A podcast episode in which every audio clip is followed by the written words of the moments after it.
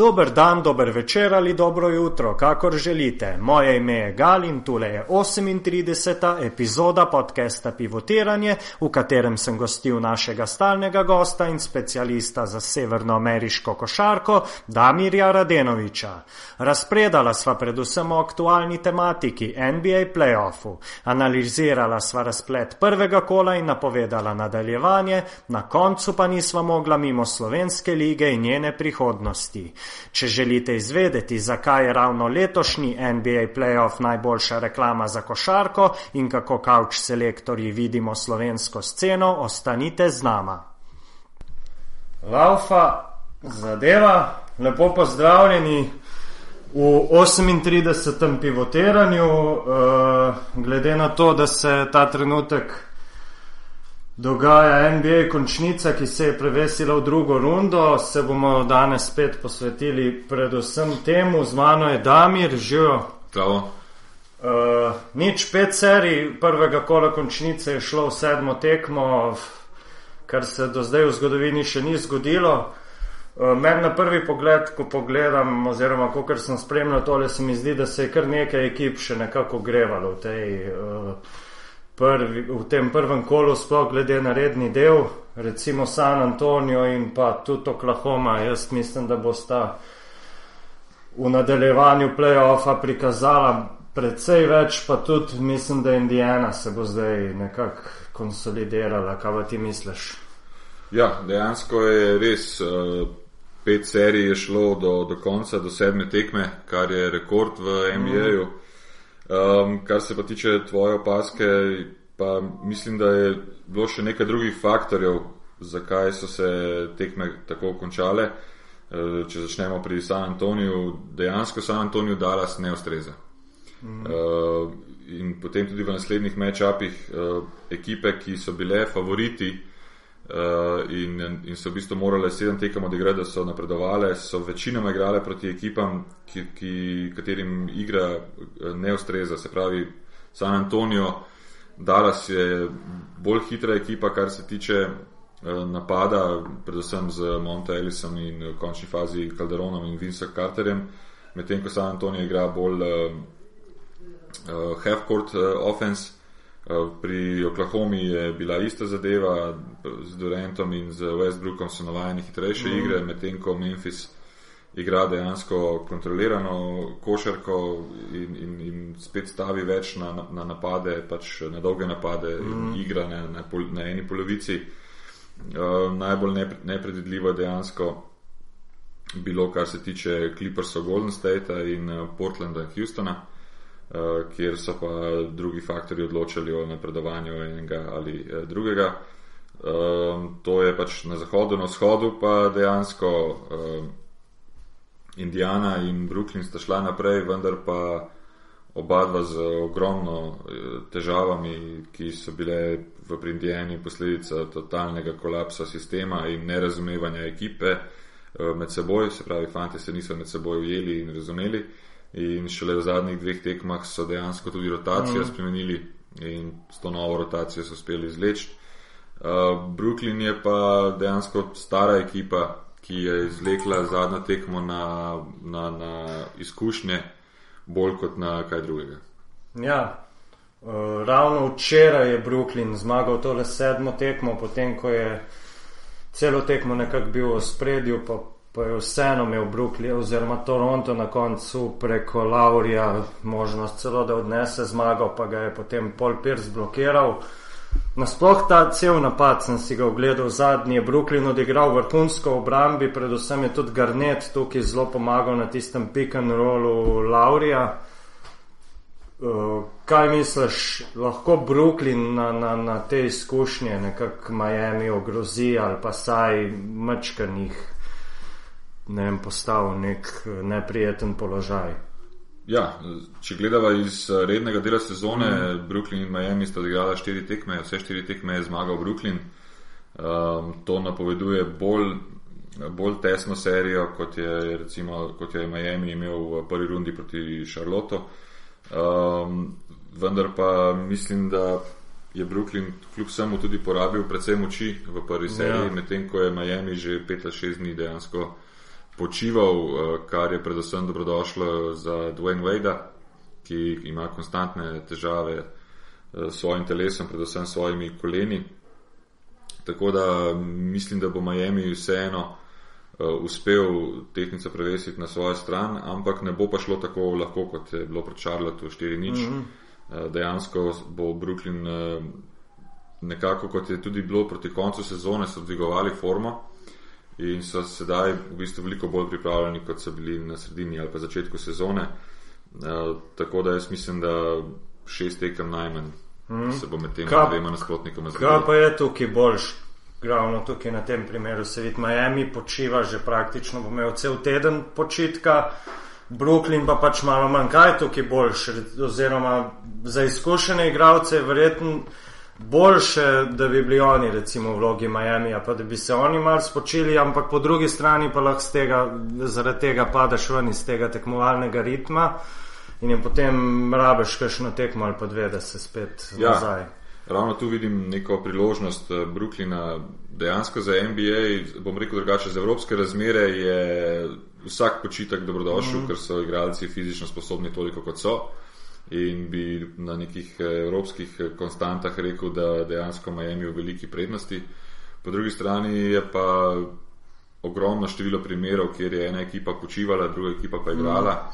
In ponavadi na prvih dveh tekmah je ta ekipa, ki je počivala, imela kar nekaj težav. Ja, ja. Tako da jaz vidim priložnost uh, Brooklyna v tem smislu, da v prvih dveh tekmah, ko so ko bojo igralci Miami mogoče malo zarjaveli v tem primeru, uh, da bojo iskali svoje priložnosti in mogoče ukradli eno od uh, tekem uh, v Miamiju in potem poskušali na krilih tega jahati tudi v, v, v, v Brooklynu. Uh, tako da zato pravim, da, da se mi zdi, da bi serija lahko šla mhm. dejansko na šest tekem minimum, ker prvi dve tekmi boste za Miami uh, zelo pomembni, kako se bodo odzvali po tem, uh, po tem počitku, dolgem počitku, medtem ko Brooklyn je pa zdaj sredi dejansko mm. tekmovalnega ritma in lahko dejansko igra naprej, uh, dokaj neobremenjeno. Mm, bo pa Brooklyn sigurno potreboval za, kak, za kaj podobnega, da bi malo grozil Miami, boljšega Derona Williamsa, ki ima če se ne motim, najslabšo, statistično najslabšo sezono v karieri, celo če se ne motim. Ne? Ja, Deron Williams je v celi letošnji sezoni se bori dejansko s poškodbo uh, gležnja. Mm -hmm. In sicer uh, mislim, da levega, vendar pa oba dva enako trpita. In to sem upoznal na igri. Predvsem sem upoznal to na koncentraciji.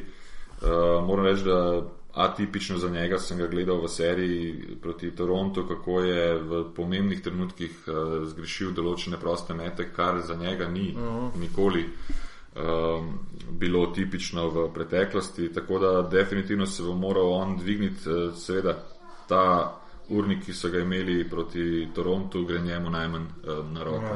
Ja, Vendar pa po drugi strani od njega bi lahko pričakovali več v tej seriji še zmeraj se mi pa zdi ta še bolj eh, v bistvu vprašljiva na nek način, na drug način pa bolj krucialna uh, Pierce in Garnet, ki kljub temu, da sta nekako medijsko bolj izpostavljena, uh -huh. uh, lahko tudi po njihovi statistiki vidimo, da nista na ravni pač preteklih let, ne, leta so svoje ja, naredili, naredili, naredila in dejansko mislim, da se bosta morala tudi ona dva zelo dvigniti v tej mm. seriji, če mislijo karkoli sanjati o napredovanju. Mm -hmm. Ja, jaz mislim, da, da sta pa še zmeri ona dva, ona dva, tista dva, ki, ki bi ima verjetno večino pač večina poznavalcev, sploh Paul Pierce, še vedno dala zadnji šut, če tekma z Miami in pride v egal. Ne? Ja, no, jaz osebno bi dal zadnji šut Joe Johnsonu. Ja, tega, ker, eh, poleg njega on je,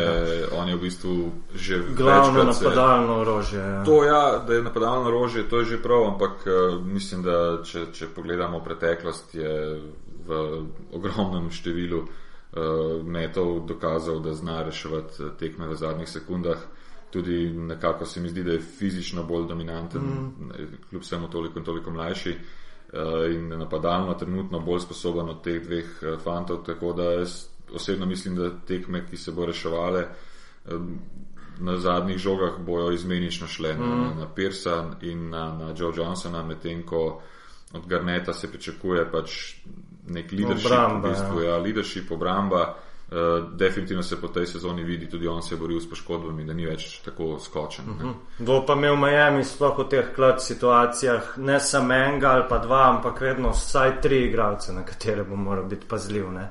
Ja, sigurno to se pravi. Miami, oziroma Brooklyn letos Miami nikakor ne, ne, ne ustreza iz pač katerega koli uh, razloga že. Res je, da Miami v teh štirih tekmah ni vedno bil kompleten, uh -huh. uh, ampak uh, tukaj se dejansko težko bi določil, kaj se bo zgodilo. Mislim pa vseeno, da bo Miami v bistvu na nekih svojih izkušnjah izpred zadnjih treh let eh, dejansko bo te izkušnje nekako naučil. Brooklyn eh, se moramo tudi zavedati, prvič letos igra kot Brooklyn. Ja. Eh, Lasnik je investiral veliko denarja, v bistvu oni so letos na, na, na križišču, oni morajo letos prijeti zelo daleč ali pa tako rekoč na vrh. Mm -hmm. Če ne, ta ekipa se bo sesula in bo pač morala novo smer poiskati.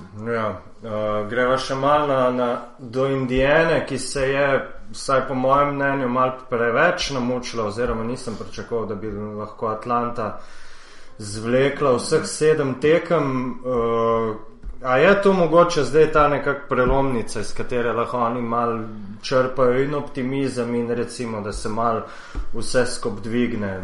Washington se mi zdi kar tekmec pomeri za nekaj takega, da pridajo potem res napaljeni na, na Miami, proti katerem pa vemo že v preteklosti, kakšni dueli so bili, da tam pa res motiva ne bo manjkalo in agresivnosti in tako naprej.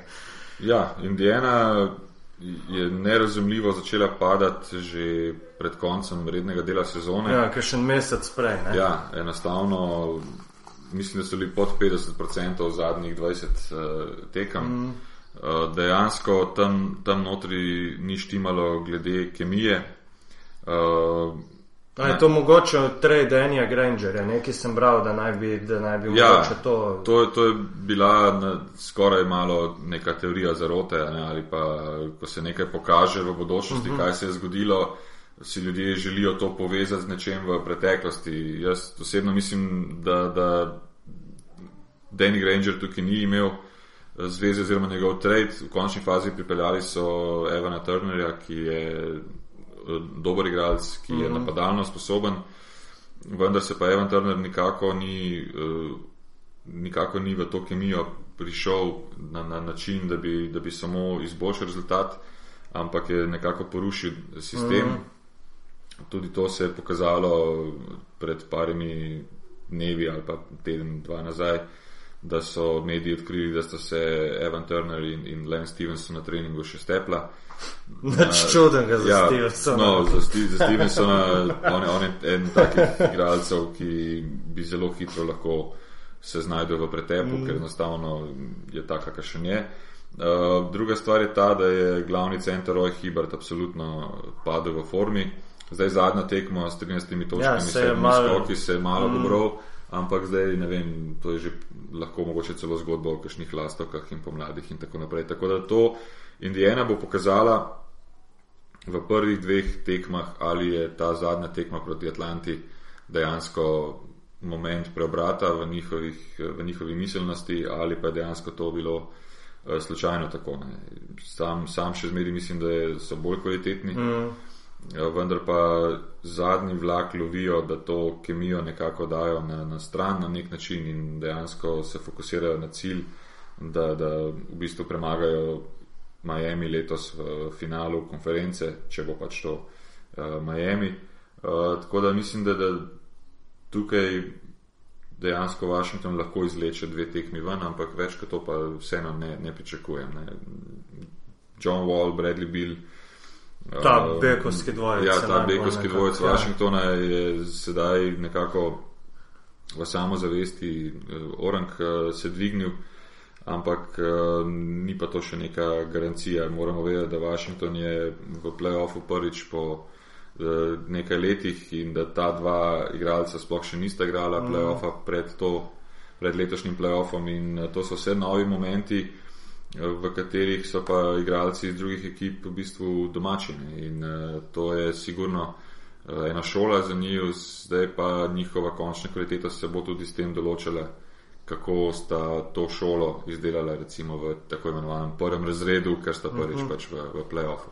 Uh -huh. uh, pa misliš, da je Frank Fogel recimo sposoben zdaj nekako tudi on, verjeten, ima dost pri tem, oziroma ima vse škare in platno v svojih rokah, ne glede na to, da ima igralce z zelo takimi specifičnimi karakteri. Ne? A misliš, da je on sposoben zdaj reči, da zdaj pa konc za banci je po domač povedan, ali je to bolj kompleksno vse skupaj? Ja, jaz mislim, da je bolj kompleksno, ampak je pa pokazal že pogum s tem, da je rotacijo na zadnjih tekmah eh, proti Atlanti zamenjal, da je dejansko Skol, Louisa Skolo in, in, in Evana Turnerja zamenjal in jih ni dal igrati, kar se v tekmah prej nikakor ja. ne bi ja. moglo zgoditi. Tako da tukaj je že potegnil recimo, radikalno potezo um, in uh, verjetno je sposoben tega, uh, da, da to naredi, kot je treba. Um, koliko so pa igralci v njega izgubili neko zaupanje, je pa, je pa druga stvar. Tukaj vidim pa še en drug moment, uh, sigurno si opazil med. Uh, Serijo Indijana in uh, Atlanta, kako zelo so mediji izpostavljali in oziroma ven metali Larry Bird. Ja. In jaz mislim, da Larry Bird, eh, o katerem mislim, da ne rabi niti enega stavka ne. povedati, eh, se bo tudi v teh serijah, ki prihaja, še spustil dol v neko garderobo, uh mhm. -huh. recimo. Uh, kljub temu, da to v Ameriki ni običaj, dejansko trenerji imajo svojo avtonomnost, dokler so pač trenerji. Uh. Ampak uh, se veš, kako je, ko, ko, ko when going gets tough ali yeah. Ja. when shit hits the fan. Um, ima Indijana vseeno to srečo, da lahko igralci pridejo k, nek k nekomu, ki, ki ima prstane, ja. ki, je, ki je legenda, ki ve, kako se mm. igra na pravilen način, ki je preživel marsikaj hujšega kot te fantje in jim lahko z kakšnim nasvetom pomaga. Tako da jaz tudi njegovo involviranost pričakujem. Sicer to involviranost verjetno mi, fani, ne bomo ravno medijsko uspeli spremljati. Ja, sigurno. Ampak ja, vseeno mislim, da bo tudi to en moment. Ne, Washington pač takega človeka nima. -hmm. Ja, noč eh, pejva še mal na, na, na zahod, uh, ali pa recimo še, še neki. Uh, splošno je jasno, da je nekako vzhod šipkejši od uh, zahoda. A se tebi zdi še vedno zdaj v prvem kolu, da, da, da, da, da je to tako? Tudi glede na teh sedem tekem, praktično na tri serije na zahodu so šle v sedem tekem. Je to znak izenačenosti ali je to pač, ne, da so te matchupi pač tako neugodni za te ekipe? No, kot sem na začetku povedal, jaz mislim, da te ekipe so bile neugodne za zmagovalce prve runde na zahodu. Uh, zahod je tudi verjetno kanček bolj izenačen kot vzhod. Uh, težko bi se pa strinjal s tem, da je vzhod uh, slabši od zahoda, kar se je tudi po medijih pojavljalo ja. skozi celotno sezono, ker so dejansko gledali samo na, po sistemu, koliko ima kdo zmag. Ja. Ampak to, ta, ta teorija, jaz mislim, da, da ne pije vodo. V končni fazi Miami je dvojni, dvakratni zaporedni mm. prvak, ki prihaja iz vzhoda. Se pravi, da je bil boljši od vseh Vseh, ekip ja. na, na zahodu. Ne. Tako da to, to mislim, da ravno ne, ne drži. Uh, je pa dejstvo, da se na zahodu tekme igrajo na, na dejansko na višji rezultat. In to je tudi nekako za laike bolj atraktivno, uh, in potem iz tega naprej izhaja to neko videnje, da je zahod boljši od vzhoda. Ne. Tako da uh, Najboljše ekipe so pa tiste ekipe, ki znajo pravočasno in stopiti na žogo, in ki znajo pravočasno dejansko odigrati na, na proti napade. Tako da jaz mislim, da uh, Zahod sicer letos izgleda bolj dominanten, vendar dejansko do finala ne bomo vedeli, uh, če, če temu mm. tako ne. Ja, uh, edina serija, ki ni šla na zahodu v, v sedem tekem, je Houston Portland, ki se je končala po enem največjih kolapsov v obrambi Houstona, jaz kaj tacga v playoffu, ne vem, če sem še kdaj videl, uh, tista trojka Lillard, da je potem tekmo pač odločila, mislim, da je bilo nič cela 9 sekunde do konca. Kaj je tukaj v glavah Houstona bilo narobe? Da, da so pač vedeli, so, da bo verjeten Portland v 0,9 sekunde šel na zmago, da ne bojo metali za dve točki, ker je praktično isti k po domač povedan, če bi metal za dve ali pa za tri.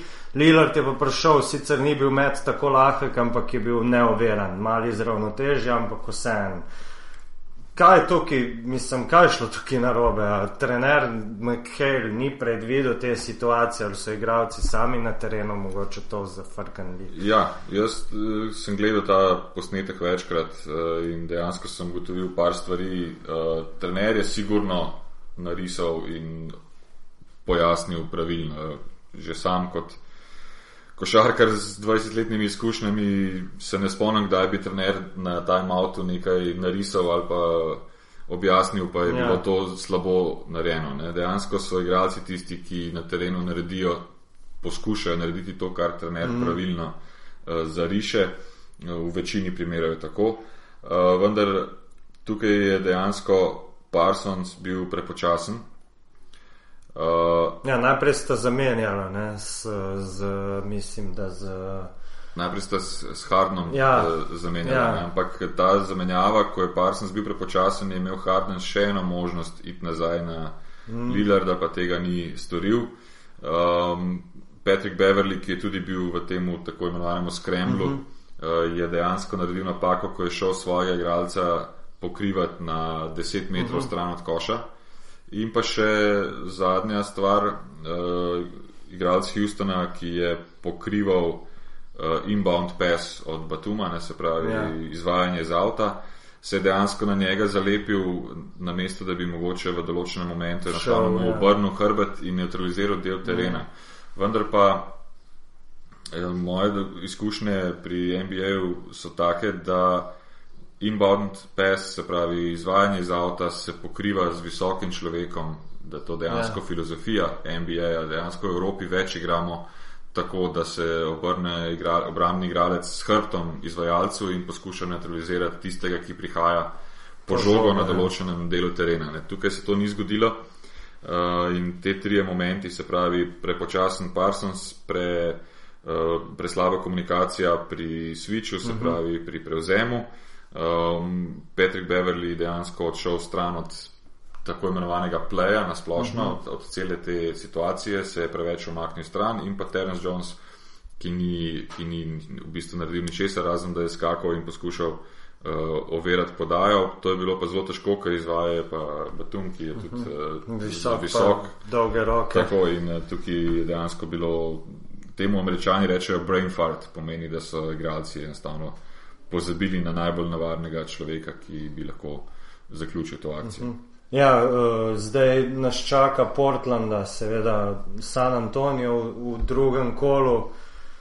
Portland se mi zdi, da bo skušal tukaj mogoče malo hitrejši odigrati. Ne? Na vse zadnje je tak San Antonijo ekipa, ki ima rada tist half-court offense, uh, ki pride do izraza ta njihova odlična odlično kroženje žoge in slej ko prej pač lahko točke dosega praktično vsak. Uh, kaj je tukaj mogoče glavna, glavna prednost Portlanda, na kaj bi Portland recimo lahko, kaj bi Portland lahko izkoristil?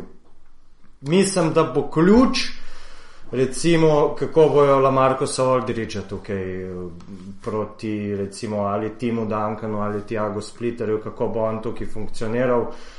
Bo pa zelo zanimiv tudi matchup na playmakerju, ne Damien Lillard proti Toniju Parkerju. Ja, uh, Portland za, za moj okus v tej seriji ima premalo igralcev, dejansko ima premalo igralcev za njihov stil uh, igre ki bazira na Lillardu in na Aldridgeu, potem pa morajo, morajo vsako tekmo pod narekovaji upati, da, da, da Batum še nekaj ja. naredi, da Wesley Matthews še nekaj ja. naredi, da, da Mo Williams izklopi, pride pa da jim da neko iskro napadalno. To tukaj se mi zdi, da je za serijo proti San Antoniju mm. preveč nekih čejev. Ne? Ker San Antonijo ima pa tudi na klopi praktično ene, tri, štiri gradce, ki lahko tako da dajo deset pik. Ne? Tako, tako, ampak lahko jih pa dajo zato, ker je njihov spacing, uh, za moj okus, najboljši v ligi dejansko. Uh, in, in tudi njihova mentaliteta je jasna, to je Greg Popovič v bistvu inštaliral brez pardona, da se v sistemu najdeš uh, vsak igralec in če pogledaš, sedaj je bilo mogoče atipično, da je en parkrat dosegel 30 točk in mm -hmm. da je mhm. zadnji dve tekmi moral potegniti, ampak oni so bolj navajeni igrati na to, da ne vem, parkrat da svojih 20 mm -hmm. točk. Duncan in, in Ginobili svojih 15, ostalo pa potem od vsakega posebej dobijo še yeah. Ja. svojih 10 točk, 5 do 10 točk in se potem sestavi en uh, mozaik. Ne. To je ena stvar. Druga stvar, San Antonijo ima Kawhi Leonarda, ki dejansko mislim, da v tej kompletni seriji je najboljši obrambni igralec. In sigurno bojo poizkušali Lillarda zaustavljati ne samo preko Parkerja, ampak uh mhm. -huh. tudi mogoče preko, preko Kawaja Leonarda, ki je dejansko višji od Lillarda in tudi atletsko dovolj sposoben, da bi ja. poskušal ga ustaviti, če, če ne na prodoru, pa vsaj na metu. Ne. Te igralci, Lillard je 6-3 velik, se pravi 191 cm in to pomeni, da vsi, ki so 5 cm višji od njega, mu predstavljajo lahko težavo pri metu in to, to zna tudi odločati. Ena stvar, ki se bi lahko zgodila, ampak vseeno ne vidim veliko možnosti za to. Če se spomniš proti Houstonu, je Portland prvi dve tekmi jahal dejansko na mhm. krilih uh -huh. uh, Lamarcusa Aldridgea, ki je dal obakrat preko 40 točk. Ja. In na osnovi tega se jim je v bistvu serija sploh začela. Um, proti uh, San Antoniju bi moral res nazaj pogledati, kdo je na zadnje dosegel 40 uh -huh. točk. Uh, dejansko ta obramba, ki igrajo in spet ta sistem, ki ga oni gojijo tudi v obrambi. Ja, ne trdim, da so najboljša obrambna ekipa v ligi, ker niso, ampak je sistem dovolj dober, da ne dopušča posamezniku, da gre na 40 točk. Uh -huh. um, to so zdaj moje predpostavke, če bi jaz seveda te stvari vedel za, za, za fakt, v bodoče bi lahko zaslužil nekaj denarja. Ampak glede na izkušnje, ki jih imam in glede na to, kaj sem videl v preteklosti, uh, če ta dva igralca ne bosta vsak po 30 točk dosegala vsako tekmo, Portland mislim, da ne bo imel veliko, veliko priložnosti. Ne. Tako da tukaj vidim San Antonijo ven iz te serije, se pravi zmago v seriji in dejansko v konferenčnem finalu. San Antonijo je še eno stvar pridobil v zadnjih dveh tekmah in sicer zbudil se je Danny Green, mm -hmm. kar rekel naš Olimpij in Danny yeah. Ja, Green. Ja. Dejansko je začel zadevati za tri točke in se je, je dvignil formo. Uh, tako da se je še eno um, ofenzivno orožje vrnilo nazaj v njihov mm. repertoar. Uh, mislim, da če bo zadržal ali pa če bo nekako v tej konstanti zadnjih dveh tekem igral naprej, bo San Antonijo resnično še bolj uh, nevaren. Tako da tukaj tudi mogoče bi rekel tako napad 5-6 tekem. Ja, ja. Uh, tukaj le bom skočil z enim vprašanjem oziroma ja, vprašanjem našega poslušalca Gregorja, ki ga zanima, kako bi se Phoenix z Goranom Dragičem v prvem kolu recimo nosil s San Antonijem. A bi misliš, da lahko tako kot Dallas jih recimo? Ne, ne, ne, ne. ne, ne. Pa, pa bi raje rekel, ja, ja. seveda zaradi Gorana, ampak ne.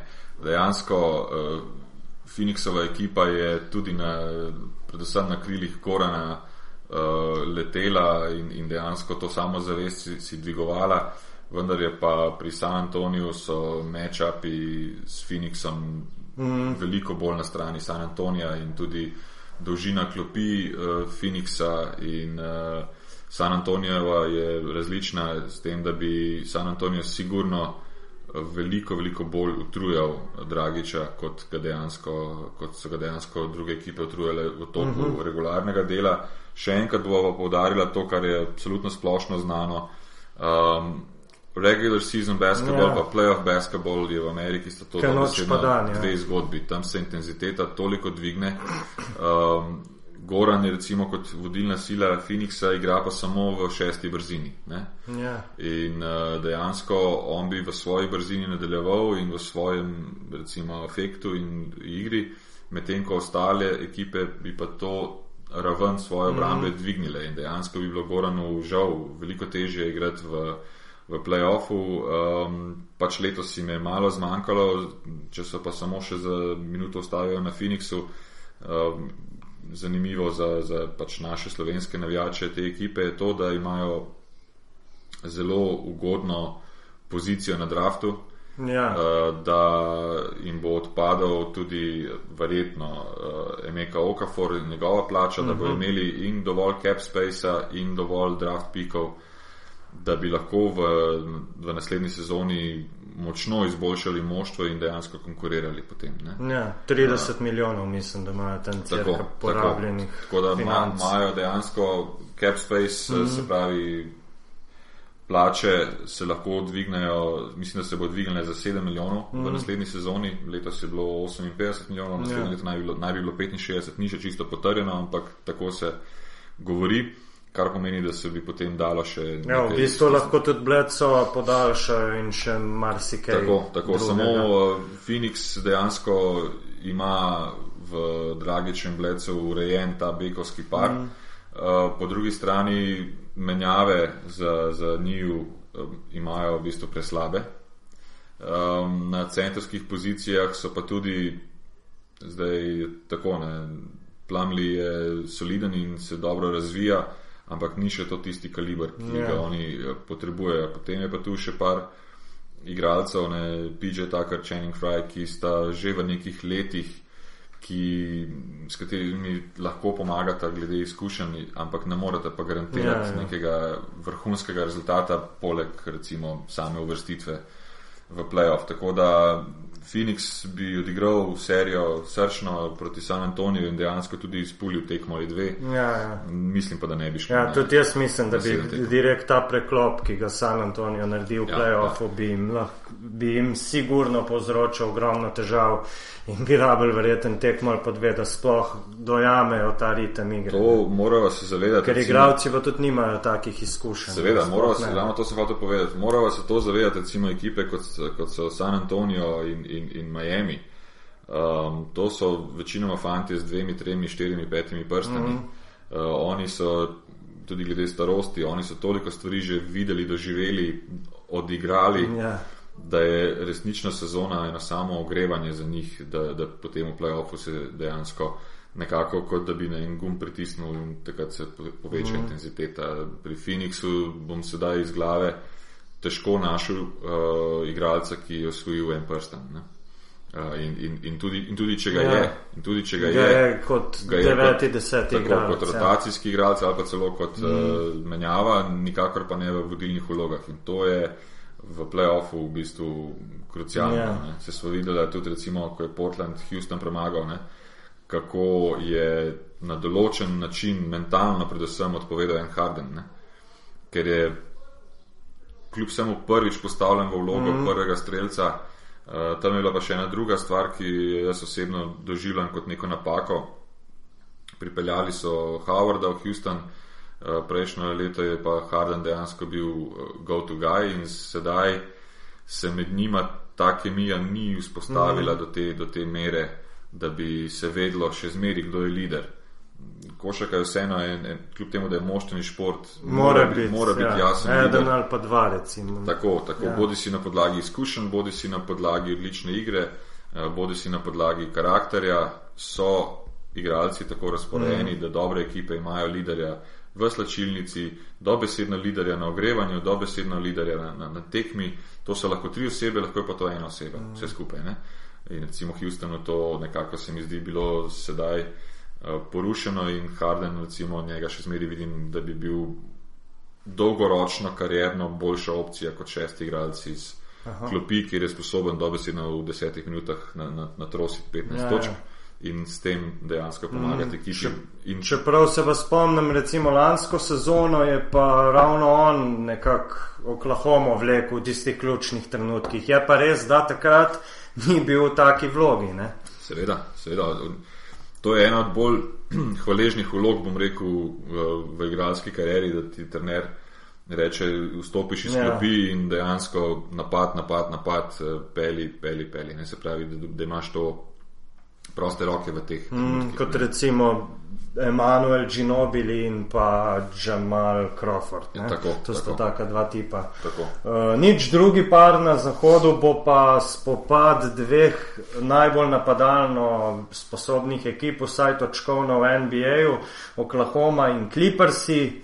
Uh, zdaj Clippersom se dogaja marsikaj še drugega, poleg uh, tega playoffa. uh, Donald Sterling, verjeten zgodbo vsi poznate.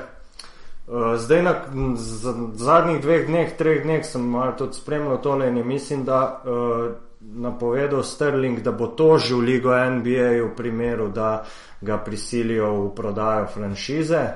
Uh, igravci, pa tudi cel strokovni štab so pa na to, mislim, da kar pozitivno odreagirali, distancirali so se od tega, pač razmišljali sam naprej še o tekmah in tudi na koncu nekako uh, zvlekli tole, tudi uh, serijo z velikim številom točk proti Golden Stateu.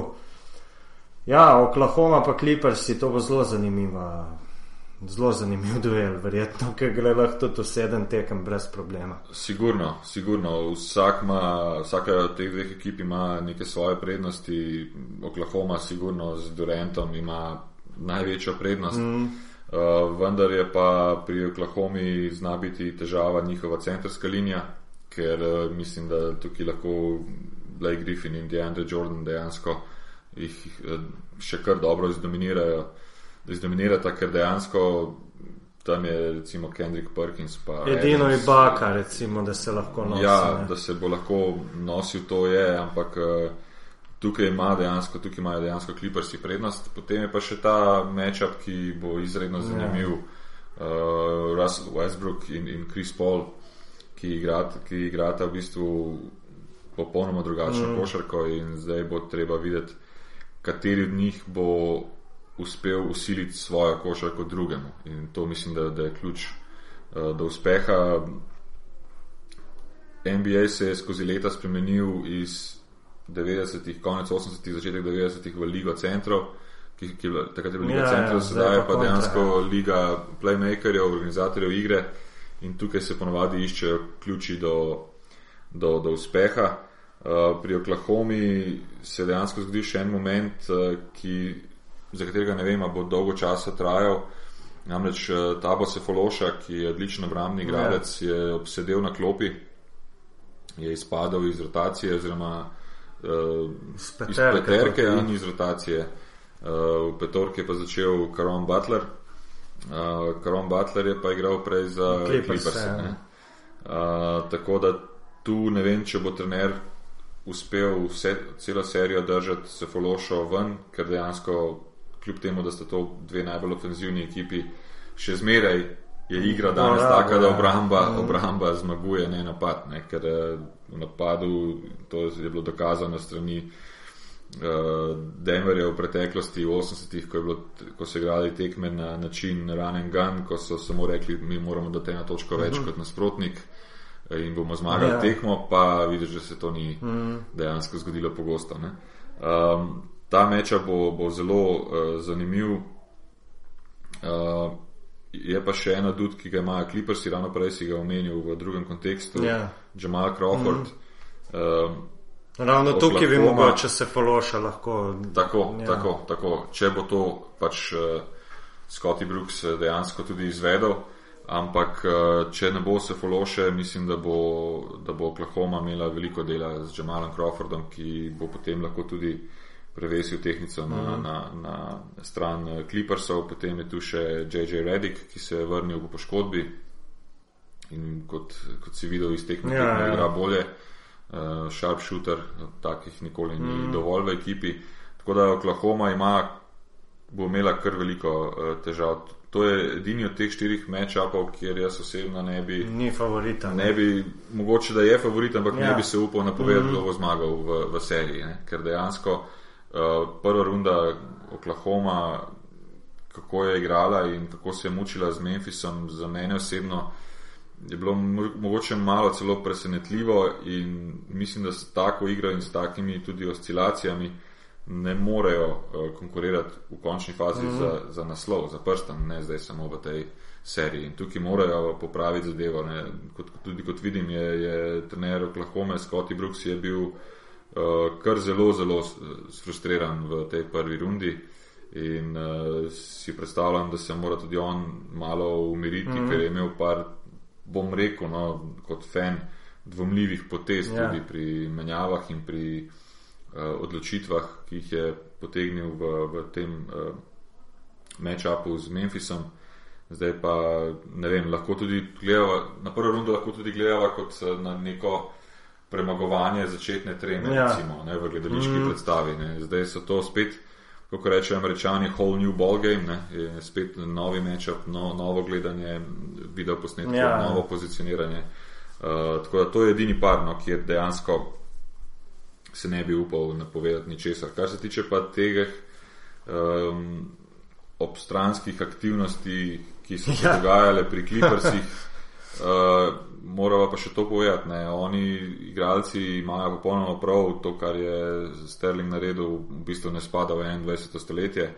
Uh, tukaj mislim, da je to na NBA, kot ja, kjer je večina mm. črncev. Mogoče vseeno bova povedala, da za, za tiste, ki ne vem, mogoče so spremljali drugo košarko bolj kot NBA, pa niso, uh, niso spremljali NBA zadnjih par tednov. Uh, lasnik L.A. Clippersov je dejansko uh, svoj, svojemu dekletu prepovedal, oziroma povedal, da ne ja. želi, da na tekme pripelje črne prijatelje. Ja, pomeni, da javno ne sme razkazovati, da se z njimi druži. Tako, sploh, tako ja. in en, še, šel je še korak dlje, kajti eden od teh črnih prijateljev je bil Magic Johnson. Ja. Ki je uh, zdaj tudi eden izmed kandidatov, da prevzame to franšizo. Ne? Ja, ampak je tudi on že jasno in glasno to zavrnil. Ja, ja. uh, mislim, zdaj, zdaj je NBA dejansko šel v neko. Uh, Po neki poti limonade, ker na zadnje sem prebral, da se Opra zanima za, za nakup klipersov, to je meni me kap zadela, ker ne vem, kaj bi Opra delala s klipersi, razen to, da ima denar, pa ga lahko zapravi. Uh, no, in uh, hočem pa to povedati, da igralci so sicer pravilno odreagirali, ampak uh, sigurno so bili pa tudi še malo, ne, ne, bom, ne najdem boljše besede, mogoče prestrašeni, še zmeraj se njim čeki podpisujejo. Ja. Še zmeraj morajo svojo plačo mm. uh, dobiti. Tako da marsikdo, tudi sem prebral veliko uh, raznih novinarskih uh, člankov, ki so govorili, da je treba vse bojkotirati in tako naprej. In tako naprej. Eh, pravila pa mislim, da ne pozna noben od nas dovolj v teh statutih in klubov ja. in NBA-ja, kaj pomeni bojkotirati tekmo. Jaz mislim, da v samem štartu to pomeni dejansko, da je igralec brez plačila. Tako da, kakšen ja. protest, kot so ga naredili proti Golden State, ko so odvrgli ja. majice na mm. sredino igrišča pred ogrevanjem in potem, ko so nosili svoje ogrevalne drese na robe obrnjene, da so kar pravilno naredili, da niso še bolj eskalirali zadeve. Zdaj, ko je pa to mimo, kajti Sterling je dobil od eh, Silverja. Ja.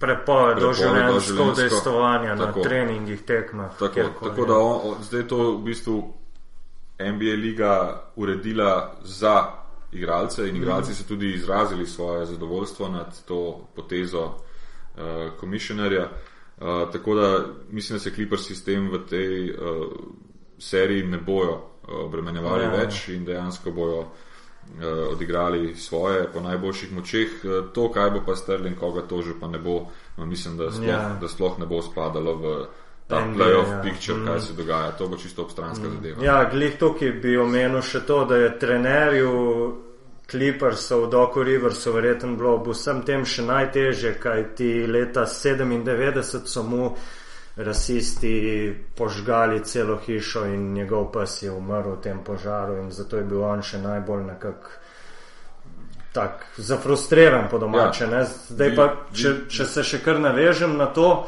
on slovi kot izjemen motivator. Ne? Že tekom tega playoffa smo videli posnetke, kako je igralce pač hkrati motiviral in jih zraven še postavil na neka realna tla. Ne. Smislim, da je lahko tudi on tukaj tehnica, ker ko bo prišlo mogoče do direktnega duela, akcija, mogoče ključna, je lahko samo ena v celi seriji. Da bi tukaj Doc Rivers moral nekako nadmudriti uh, Scotta Brooksa. Ne. Ja, dejansko, kar se samih izkušenj tiče, in tudi zdaj, če, bi, če se zdaj spustijo v neko rangiranje, ki je zelo nehvaležno in tudi lahko nepravično, ja. bi rekel, da je Doc Rivers boljši trener od uh, Scottija Brooksa. Ampak uh, Scotty Brooks je pa dejansko že bil v finalu, uh, dejansko tudi nekaj izkušenj ja, nabral. S to ekipo je že kar Tako. nekaj časa. Bi pa, bi pa to rekel, ne, Brooks in Doc Rivers oba dva sta v igralskih časih v NBA-u bila playmakerja. Mm pravi, organizatore igre. se pravi, možgani operacije ne, in dejansko iz tega vidika tudi gledata to ligo in imata tukaj prednost pred nekaterimi drugimi ja. trenerji, ki so mogoče, bom rekel, bolj po akademski poti prišli do mhm. naziva trenerja. Ne. Ja, zato bo ta mečap, še enkrat povem, resnično, po moje, do konca uh, negotov. S tem, da pri teh mečapih moramo še eno stvar povedati. Ni nujno, da se konča serija 4-3 da rečemo, da je meč ja. negotov. Ne. Sigurno, ker, ker treba gledati tekmo po tekmo. Ena ekipa lahko dejansko, in to se je tudi dogajalo v preteklosti, ena ekipa lahko dejansko 4-0 zmaga v seriji, pa se nobena tekma ne odloči uh, pred zadnjim metom. Ja. Uh, tako da tukaj tudi za druge mečape, ki sem jih uh, omenjal, sem se drznil dati neko malo napoved po številu tekem. Um, tukaj se pa dejansko ne držim niti po številu tekem dati napovedi, zaradi tega, ker lahko se konča 4 nič za ene ali druge, pa se vse tekme končajo mm. na mhm. plus minus 2 ja, ja. Tako da to je, to je, kar se tega tiče. Ne? Ja, prebral sem, da bo Kevin Durant brž čas eh, prejel nagrado tudi za najkoristnejšega igralca rednega dela te sezone. Mislim, da tukaj ni dileme. Ne? Ja, zasluženo. Letos, letos zasluženo uh, dejansko če kdo reče, da ni zasluženo, potem pač neha preveč občudovati Lebron Jamesa. Ne. Ja, se tudi drugih kandidatov pa praktično ni. Ne, ni. Ona, da sta zdaj že zadnjih pet let dejansko najbolj dominantna s tem, da v preteklosti res uh, Lebron zaslužil vse te nazive, ki jih je dobil, ne glede na to, kaj jaz osebno mislim o njemu, mm. ampak uh, Kevin Durant je pa tudi v današnji košarki biti uh, večkratni zaporedni najboljši strelec eh, NBA-ja, je mogoče celo malo teže, kot je to bilo nekoč. Ne? Ja. Uh, tako da dejansko si to lepo. Sploh na ta način, kot so oni igrali. Ja, absolutno. Na vse strani. Absolutno. In on je res uh, fenomen pri, te, pri tej višini, ki jo ima je sposoben dejansko skoraj od enke do petke vse odigrati. Ne. To so res taki uh, fizični specimeni, jaz temu rečem, ki se pojavijo enkrat na 20 let. Ja. ja, nič, uh, še NBA smo po moje kar dala pod streho. Razen, če si še kaj imel v glavi, da misliš, še kaj spostaviti. Zaenkrat za je to to, bi pa samo še omenil, mogoče za naše poslušalce ki so spremljali to, ta playoff letošnji preko medijev, bolj kot pa bom rekel preko televizije tekam. ali pa tekam, da letošnji playoff je trenutno do sedaj v prvi rundi najboljša možna reklama za NBA. Uh, poznam tudi veliko ljudi, ki dejansko na NBA gledajo ja, po strani. Zviška, ja. Uh, po strani. To je, to je popolnoma normalno. Nekaterim je bolj doma, eh, nekateri so bolj domači v evropski košarki, nekaterim je igra v Evropi eh, lepša za oko, nekateri tudi, čeprav teh je zelo malo, zato ker eh, ta popularnost se šele počasi dviguje v Sloveniji. Nekateri prisegajo tudi na študentsko ameriško uh mhm. -huh. košarko, da je lepša. Dejansko osebno imam pa pogled na vse te tri. Na vsa tri dogajanja, da se da v vsaki stvari najti uh. -huh. eno lepoto. Uh, je pa NBA letos naredil s tem playoffom sam sebi res največjo uslugo in je res uh, zanimiv za spremljanje, bolj kot zadnjih deset let skupaj. Ja, sigurno. Ja. Tako da tisti, ki se mogoče še odločajo ali pa so danes rekli, jo je pa danes bo cel dan samo NBA. In predlagam, da si vseeno pogledajo tekme, ker se trenutno res igra na nož, uh, izredno veliko odličnih uh, potezij. Uh, in, in lahko samo uživajo v letošnji sezoni v playoffu. Uh mhm. -huh. No, pa rečemo zdaj back to reality, back to uh, slovenska liga.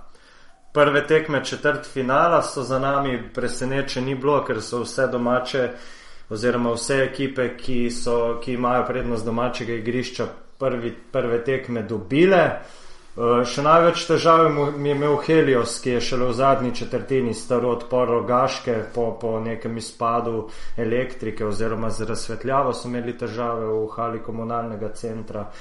Union Olimpija je grosuplje nekako strla šele tudi v drugem polčasu, prvega je dobila za šest točk, če se ne motim. Uh, nič, kaj je tukaj, kaj za izpostaviti mogoče. Mislim, da kakšnih presenečenj tukaj do polfinala, sigurno ne bo.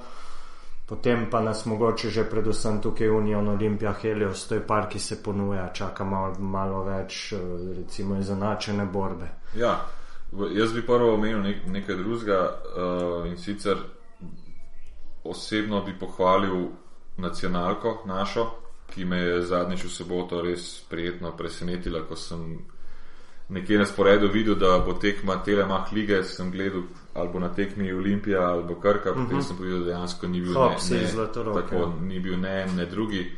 Uh, in in uh, si želim kot košarkarski navdušenec čim več takih prenosov, ker dejansko liga je slabša, kot je bila v preteklosti, to ne moramo skrivati, ampak še zmeraj je pa naša liga in to našo ligo, kakršna koli je, uh, je treba spodbujati eh, na, na način, da, da se nam lahko za nagrado preko te lige vseeno pojavijo neke nove zvezde v, v bodočnosti. In sedaj, če bomo samo objokavali trenutno stanje in jadikovali nad neurejenimi razmerami pri Olimpiji in nezmožnostjo kvalitetnega preskoka v Evropi pri Krki, uh, potem ne bomo nič naredili. Ne. Treba je tudi take tekme pogledati.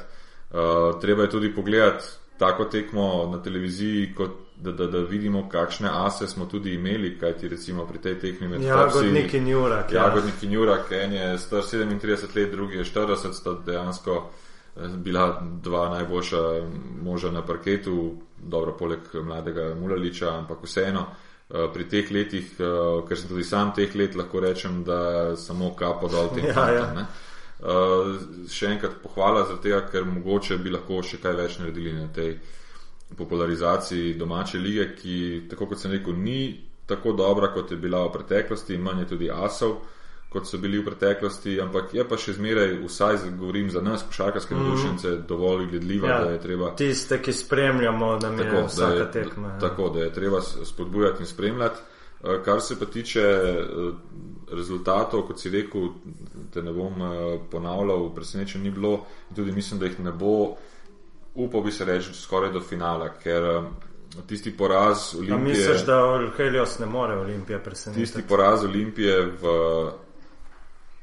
Domžalah in potem njihova suverena zmaga doma v ja. Ljubljani. Uh, kljub temu, če damo oboje na tehnico, je bolj realna slika tiste zmage. Kljub temu, da Gajljus bo verjeten, je možnost, da bo odsoten do konca sezone. Ja, možnost je, ampak uh, Olimpija ve, da se tukaj ne sme igrati z ničemer. Da, da od pristopa naprej ne sme biti nobena stvar uprešljiva. Izpostavil bi še mladega Marinelija, ki mislim, da je zdaj v, kon, v končni fazi sezone dobil tisto potrebno samozavest, predvsem od strani Pipana, da bi lahko, eh, da lahko daje nekaj več in da počasi vnaša neko mirnost, ki jo playmaker mora vnašati v, v ekipo. Nažalost, tega nisem videl ne od Vladoviča, ne od eh, Rupnika.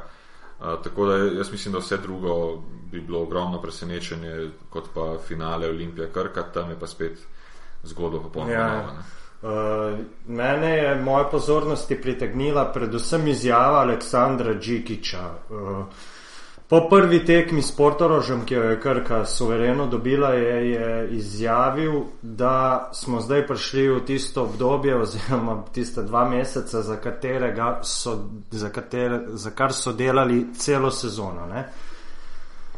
In tukaj pridemo do tistega, do te fame pri Krki in njeni motivaciji za vsa ostala tekmovanja, razen državnega prvenstva. Ne.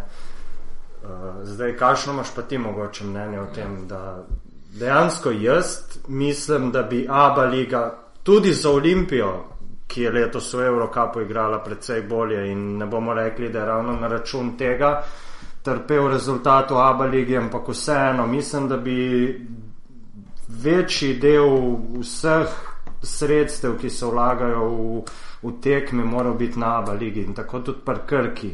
Ki si tudi na papirju ni zagotovila Evropa, tako da ne moremo govoriti o nekih super sezonah v Abu Leiji. Zdaj, kam nas lahko to pripelje, če bo Krka recimo se po domač povedano napalila na tole državno prvenstvo, ki sicer prinaša Lovoriko, prinaša neko zadovoljstvo, da so na pač najboljši v državi, ampak za našo košarko in za njih pa to neke dodane vrednosti pa ne predstavlja. Ja, da je tako reči. Uh od ABA lige naprej, od ustanovitve ABA lige naprej in od uh, trenutnega sistema, recimo temu točkovanja uspehov slovenskih klubov, je državno prvenstvo pomembno iz dveh vidikov, samo in sicer zaradi uvrstitve v ABA ligo ja. in zaradi prestiža, se pravi, kdo osvoji končno Loboriko. Vse ostalo pa ne bom rekel, da ni pomembno, ampak je v drugem planu. Za proračune, ki jih Eh, ki jih imata, eh, za proračune, ki jih imata Olimpija in Krka, je pa samo izhod v Evropo merilo, ja, merilo tega vložka, ki ga pač ta dva kluba uh, uporabljata. Um, sam pravim, da, da sicer to, da se nekdo zmotivira za to, da premaga Olimpijo in osvoji pač naslov državnega prvaka Slovenije, je super je dobro, ampak ni pa dovolj za ta vložek. Tako da ta izjava, kakorkoli je bila mišljena, jaz bi raje videl, recimo, da je drugače pogled. Jaz bi raje videl Olimpijo ali Krka, vseeno mi je, da je bila prva ali druga v Abu Leiji, pa potem ni usvojila državnega prvenstva. Ja, ne, ker dejansko to so nagrade, ki so veliko večje. In k temu je treba stremeti. In če te klubi zapravijo, na pamet, govorim, milijon, dva na leto na plače igralcev, potem ta vložek lahko upravičiš samo z, izhod, z izhodom v Evropo. Ja, pa tudi uh, skozi domače prvenstvo, oziroma z nekim pluženjem, po domač povedano, v Abu Leiji se tudi igravci ne bojo razvijali. Ne? Igravci se lahko razvijajo v ambiciozni sredini, kjer ima neko določeno svobodo v igri. Ne? Pa nivo tekmovanja more biti. Pač so razmeren temu. Ne? Zdaj, če, če je ekipa 10-12 v Abu Leiji, klima v njej ni dobra, torej je, so razmere za razvoj igralcev že od starta slabe. Ne? Zdaj pa, če, če, če pa nimaš vmes še recimo evropskih tekem med tednom, ne? pa to spet mladi igralci lahko igrajo dve, celo tri tekme na teden. Ne? Sploh proti težjim nasprotnikom ali pa recimo proti mogoče kakršnemu, kakšnemu drugačnemu stilu igre. Ne? Zato Uh, se meni zdi, da je bil tudi ta Euro Challenge, pa za kar ko ne glede na to, kakšne ekipe so noter, koristen. Ker je neka stopnička v drugo smer, ki, ki pomaga potem raz, v razvoju igralcev. Sigurno. Uh, jaz, jaz vidim težavo v tem, da se Krka in Olimpija ne hote sicer, ampak ne prilagajata razmeram in sistemu tekmovanj, ki so pač trenutno na voljo. Ja. Kaj to pomeni? To pomeni, da recimo na primeru Olimpije, najprej potem bom še karko povedal, na primeru Olimpije igraš Eurocup, prideš v Euroligo samo, če si prvi. Na začetku sezone veš in vidiš, da nimaš ti, ja. poleg Valencije mm. in takih klubov, možnosti biti prvi. Čeprav si Valencijo dvakrat premagal, samo si pa potem kiksal proti drugim mm. klubom. In, in pri takem sistemu, kjer je 48 ekip, kjer štarta, ti veš vnaprej, da se ne boš uvrstil v Euroligo. Se pravi, tam je ena od možnosti, dva, tri mlade igralce porivati notri. Druga stvar je, če odigraš ABA ligo korektno in se tam boriš za novo evropsko stopnico, pa potem je spet nova runda potencijalnih sponzorjev, mm. nova runda potencijalnega grajenja ekipa, ekipe, dokler ne zgradiš ekipo, s katero rečeš leta XY, bom pa napadel. Final Eurocup, Four. Final ja. Four, karkoli že tem času, potem pa spet na domačem prvenstvu, lahko spet nekako daš mlade v spredje in jim daješ dodatne izkušnje in razvoj. Um, le, le, stanje slovenske košarke kljubske je pa tako slabo trenutno, da se dve ekipi, ki sta pač dokazano najboljši v Sloveniji, svojo sezono rešujete na državnem prvenstvu, ki ne prinaša dobesedno nič, razen tako imenovanih bragging ja, rights, ja. se pravi prestiža. Potem, ko bo ena ali druga ekipa zmagala prvenstvo, bo dala tako imenovanega kruha in igr, oziroma samo ja, ja. igr raznim navijačem, ki bo govorila, da premagali smo vas letos. Kaj smo naredili za slovensko košarko? Nič.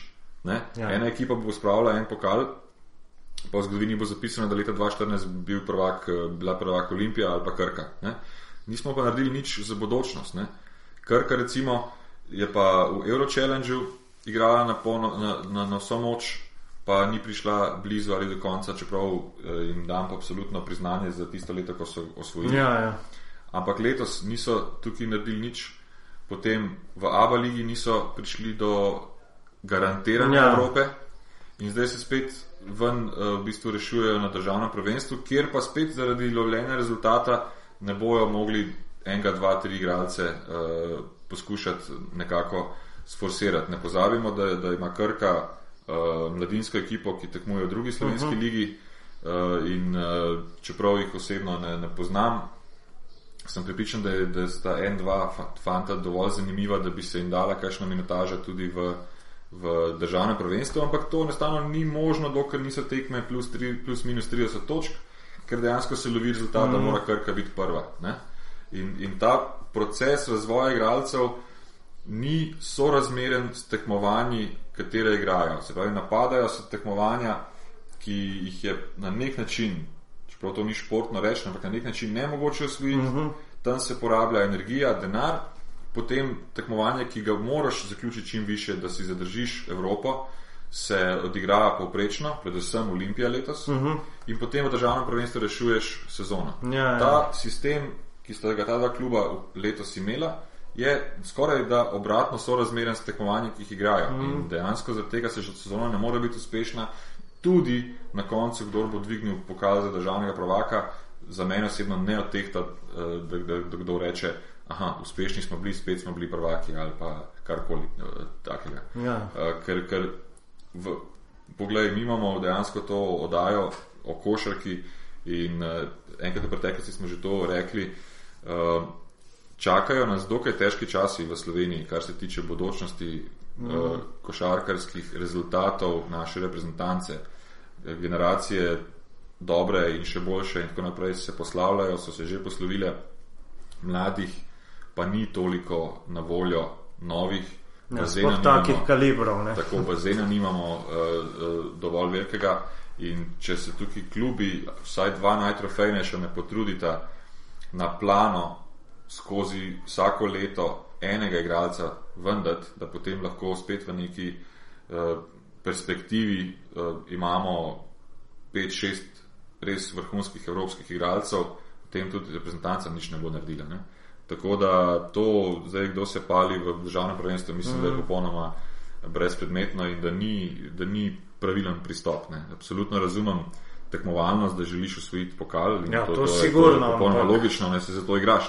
Ja. Ampak ta pokal ti prinaša samo prestiž in ta pokal uh, v tem sistemu, kot ga ima Euroliga in pač ULEP, ti, prinaša, uh, ti ne prinaša opravičenost uložka, ki ga sponzori dejansko vlagajo v klub. Ker v klub nihče danes ne vloži skupno milijon dva, zato da se zmaga državno prvenstvo. Ja. Poleg tega bomo pa verjetno izgubili še po tej sezoni še zadnjega igralca, s katerim so se nekako poistovetili navijači. Ne? Edo Muriču pogodba poteče uh, in tukaj pridemo spet v ta začaran krog, da se ekipa menja vsako leto in potem ni mladih slovencev, s katerim bi se, ne vem, 9 ali pa 8 let stari mulci rekli, da grem pa na tekmo gledati Dina Muriča, ki ful dobro zabija. Uh, Uh, ne, bo, ne bo več takih igralcev. Ne? Tako sta odšla recimo Prepelič in Blažič, ki sta imela ta potencial, uh, ostal je še Muric, zdaj še njega ne bo več, bo težko najdete kakšnega, ki bo za mlade tako zanimiv, pa domač, da bo pač pritegnil pozornost. Ne? Ja, ampak. Vodenje kluba uh, športnega, košarkarskega v tem primeru uh, ni veliko ni zelo različno od vodenja podjetja. Spravi, podjetje ima kratkoročno, srednjeročno in dolgoročno strategijo. In to, da danes, oziroma da letos Muriču poteče pogodba, mm. ni nobeno presenečenje, se je na papirju tako pisalo. Spravi, ti moraš v tem času, kot voditelj nekega kluba, biti pripravljen njega zamenjati. Zdaj, zamenjaš ga lahko na, na, na, na dva načina. Ena je, da se skeširaš, pa pripeleš ja. pač nekoga. Ali pa vzgojiš. Ali pa vzgojiš. Ja. Zdaj, kaj se ne je menda mm. jasno. In ne smeš tega nikoli zanemarjati. Moraš najprej, vedno se moraš pripraviti, da naslednjo sezono nam lahko odide ta, ta, ta, mora imeti neko menjavo. Ampak to ne menjavo, da na koncu sezone eh, pokličeš pet agentov, rečeš, joj, meni pa je, da moraš šel, eh, koga mi lahko vi ponudite. Ne? Zdaj pač. Razen če denar na drevesu raste, mm. ampak ker tako ni, ne, potem tudi se tako ne more zgoditi. Dejansko ti je najcenejša lastna produkcija in lastno produkcijo moraš tako temperati, da vsakega novega, tako imenovanega asa, ki odide, poskušaš zamenjati. Danes je pa to še bolj težko, ker dejansko igralci na enem mestu zelo malo ostanejo, čim prerastejo sredino, logično za njih, za njihove družine, tudi za razvoj, je, da grejo v večjo, više, večjo, večjo, večji klub ali pa drugi nivo. Ampak ti moraš konstantno poskušati to nekako to vrzel zapolniti z novimi mladimi igralci in če tega ne počneš, potem dejansko lahko samo še zapravljaš denar, dokler ti ga sponzorji dajo. Ko ti ga pa mm. ne mhm. dajo, smo pa videli tudi že v kakšnih drugih državah, se pa dejansko potem stvari premikajo iz pogovorov o Euroligi do, do tega, da, da so to tretje ligaške ekipe na koncu. Ne? Ja. Uh... Taka je prihodnost, meglena, bolj ali manj, kar smo videli. Ja, ampak ni še ni nič za obupati, ampak je dejansko za delati. Sem, ja. Ravno zadnjič sem bil v kontaktu z enim trenerjem mladinskih eh, vrst, oziroma kadetskih in mladinskih. In ko sem njega poslušal, ko sem imel en tak, eno tako širšo košarkarsko debato, sem se še enkrat več zavedal, koliko imamo v Sloveniji vseeno mladih trenerjev, ki so sposobni stran od eh, nekih žarometov, medijev, televizije, ne vem kaj, enostavno biti zaprti v dvorani mm. z igralci in delati. In dejansko to, to je že strani KZS-ja in strani nas, košarkarskih nadušencev, je treba samo tem ljudem omogočiti nadaljne delo. Se pravi, da so redno plačani, da mm. ne skrbijo za svoj lastni kruh in, in da delajo. Da ni rezultatov v spredju. Ja. ja, sigurno pri kadetih ni pomembno, ja. kdo je. Pomembno je za tiste, ki delajo v dvorani, da so, da so nagrajeni z uspehom nekega pokala. Ja, ampak za slovensko košarko treba samo imeti uh, te trenerje, ki so voljni, da delajo in dejansko njih plačati pač neko ustrezno plačilo, predvsem pa nažalost redno plačilo ne? in da ustvarjajo. In uh, dok mi še takih trenerjev imamo kar nekaj v Sloveniji, ki širši javnosti niso znani in oni rabijo največjo podporo in oni bojo iz bazena igralcev, ki prihajajo, dejansko poskušali nekaj narediti. Zato dejansko ni za obupati, ampak je zadati podporo tem ljudem, da delajo in da dejansko ustvarjajo igralce, ki bojo potem čez 5-10 let gonilna sila dejansko uh mhm. -huh. naše košarke. Ne? Ja, noč, po mojem je tole kar to, kar smo imeli danes zapovedati. Od 38. epizode je torej vse. Uh, zdaj pa sam še povej, kje se te da na internetu dobiti, te, to malo zanemarjamo v zadnjem času, ampak vseeno. Ja, na, na Twitterju, at uh, mrdee 25, se pravi Mr. D 25. Ja, uh, za naš podcast je seveda del aparatusa. Uh, tam tudi najdete vse epizode pod zavihkom pivotiranje. Uh, imamo svoj Facebook in Twitter profil, tako da vsi komentarji, kritike, predlogi, tudi za goste, predlogi, ki jih bo zdaj tekom poletja več, ker ne bo toliko dogajanja, so dobrodošli. Uh, mene najdete na Twitterju pod zbale z dvema L, prej je Afna, seveda, uh, in pa seveda tudi na Facebooku. To je pa zdaj res vse. Hvala lepa vsem, ki boste tole poslušali, pa upam, da se slišimo naslednji teden. Tako da lepo zdrav. Adijo.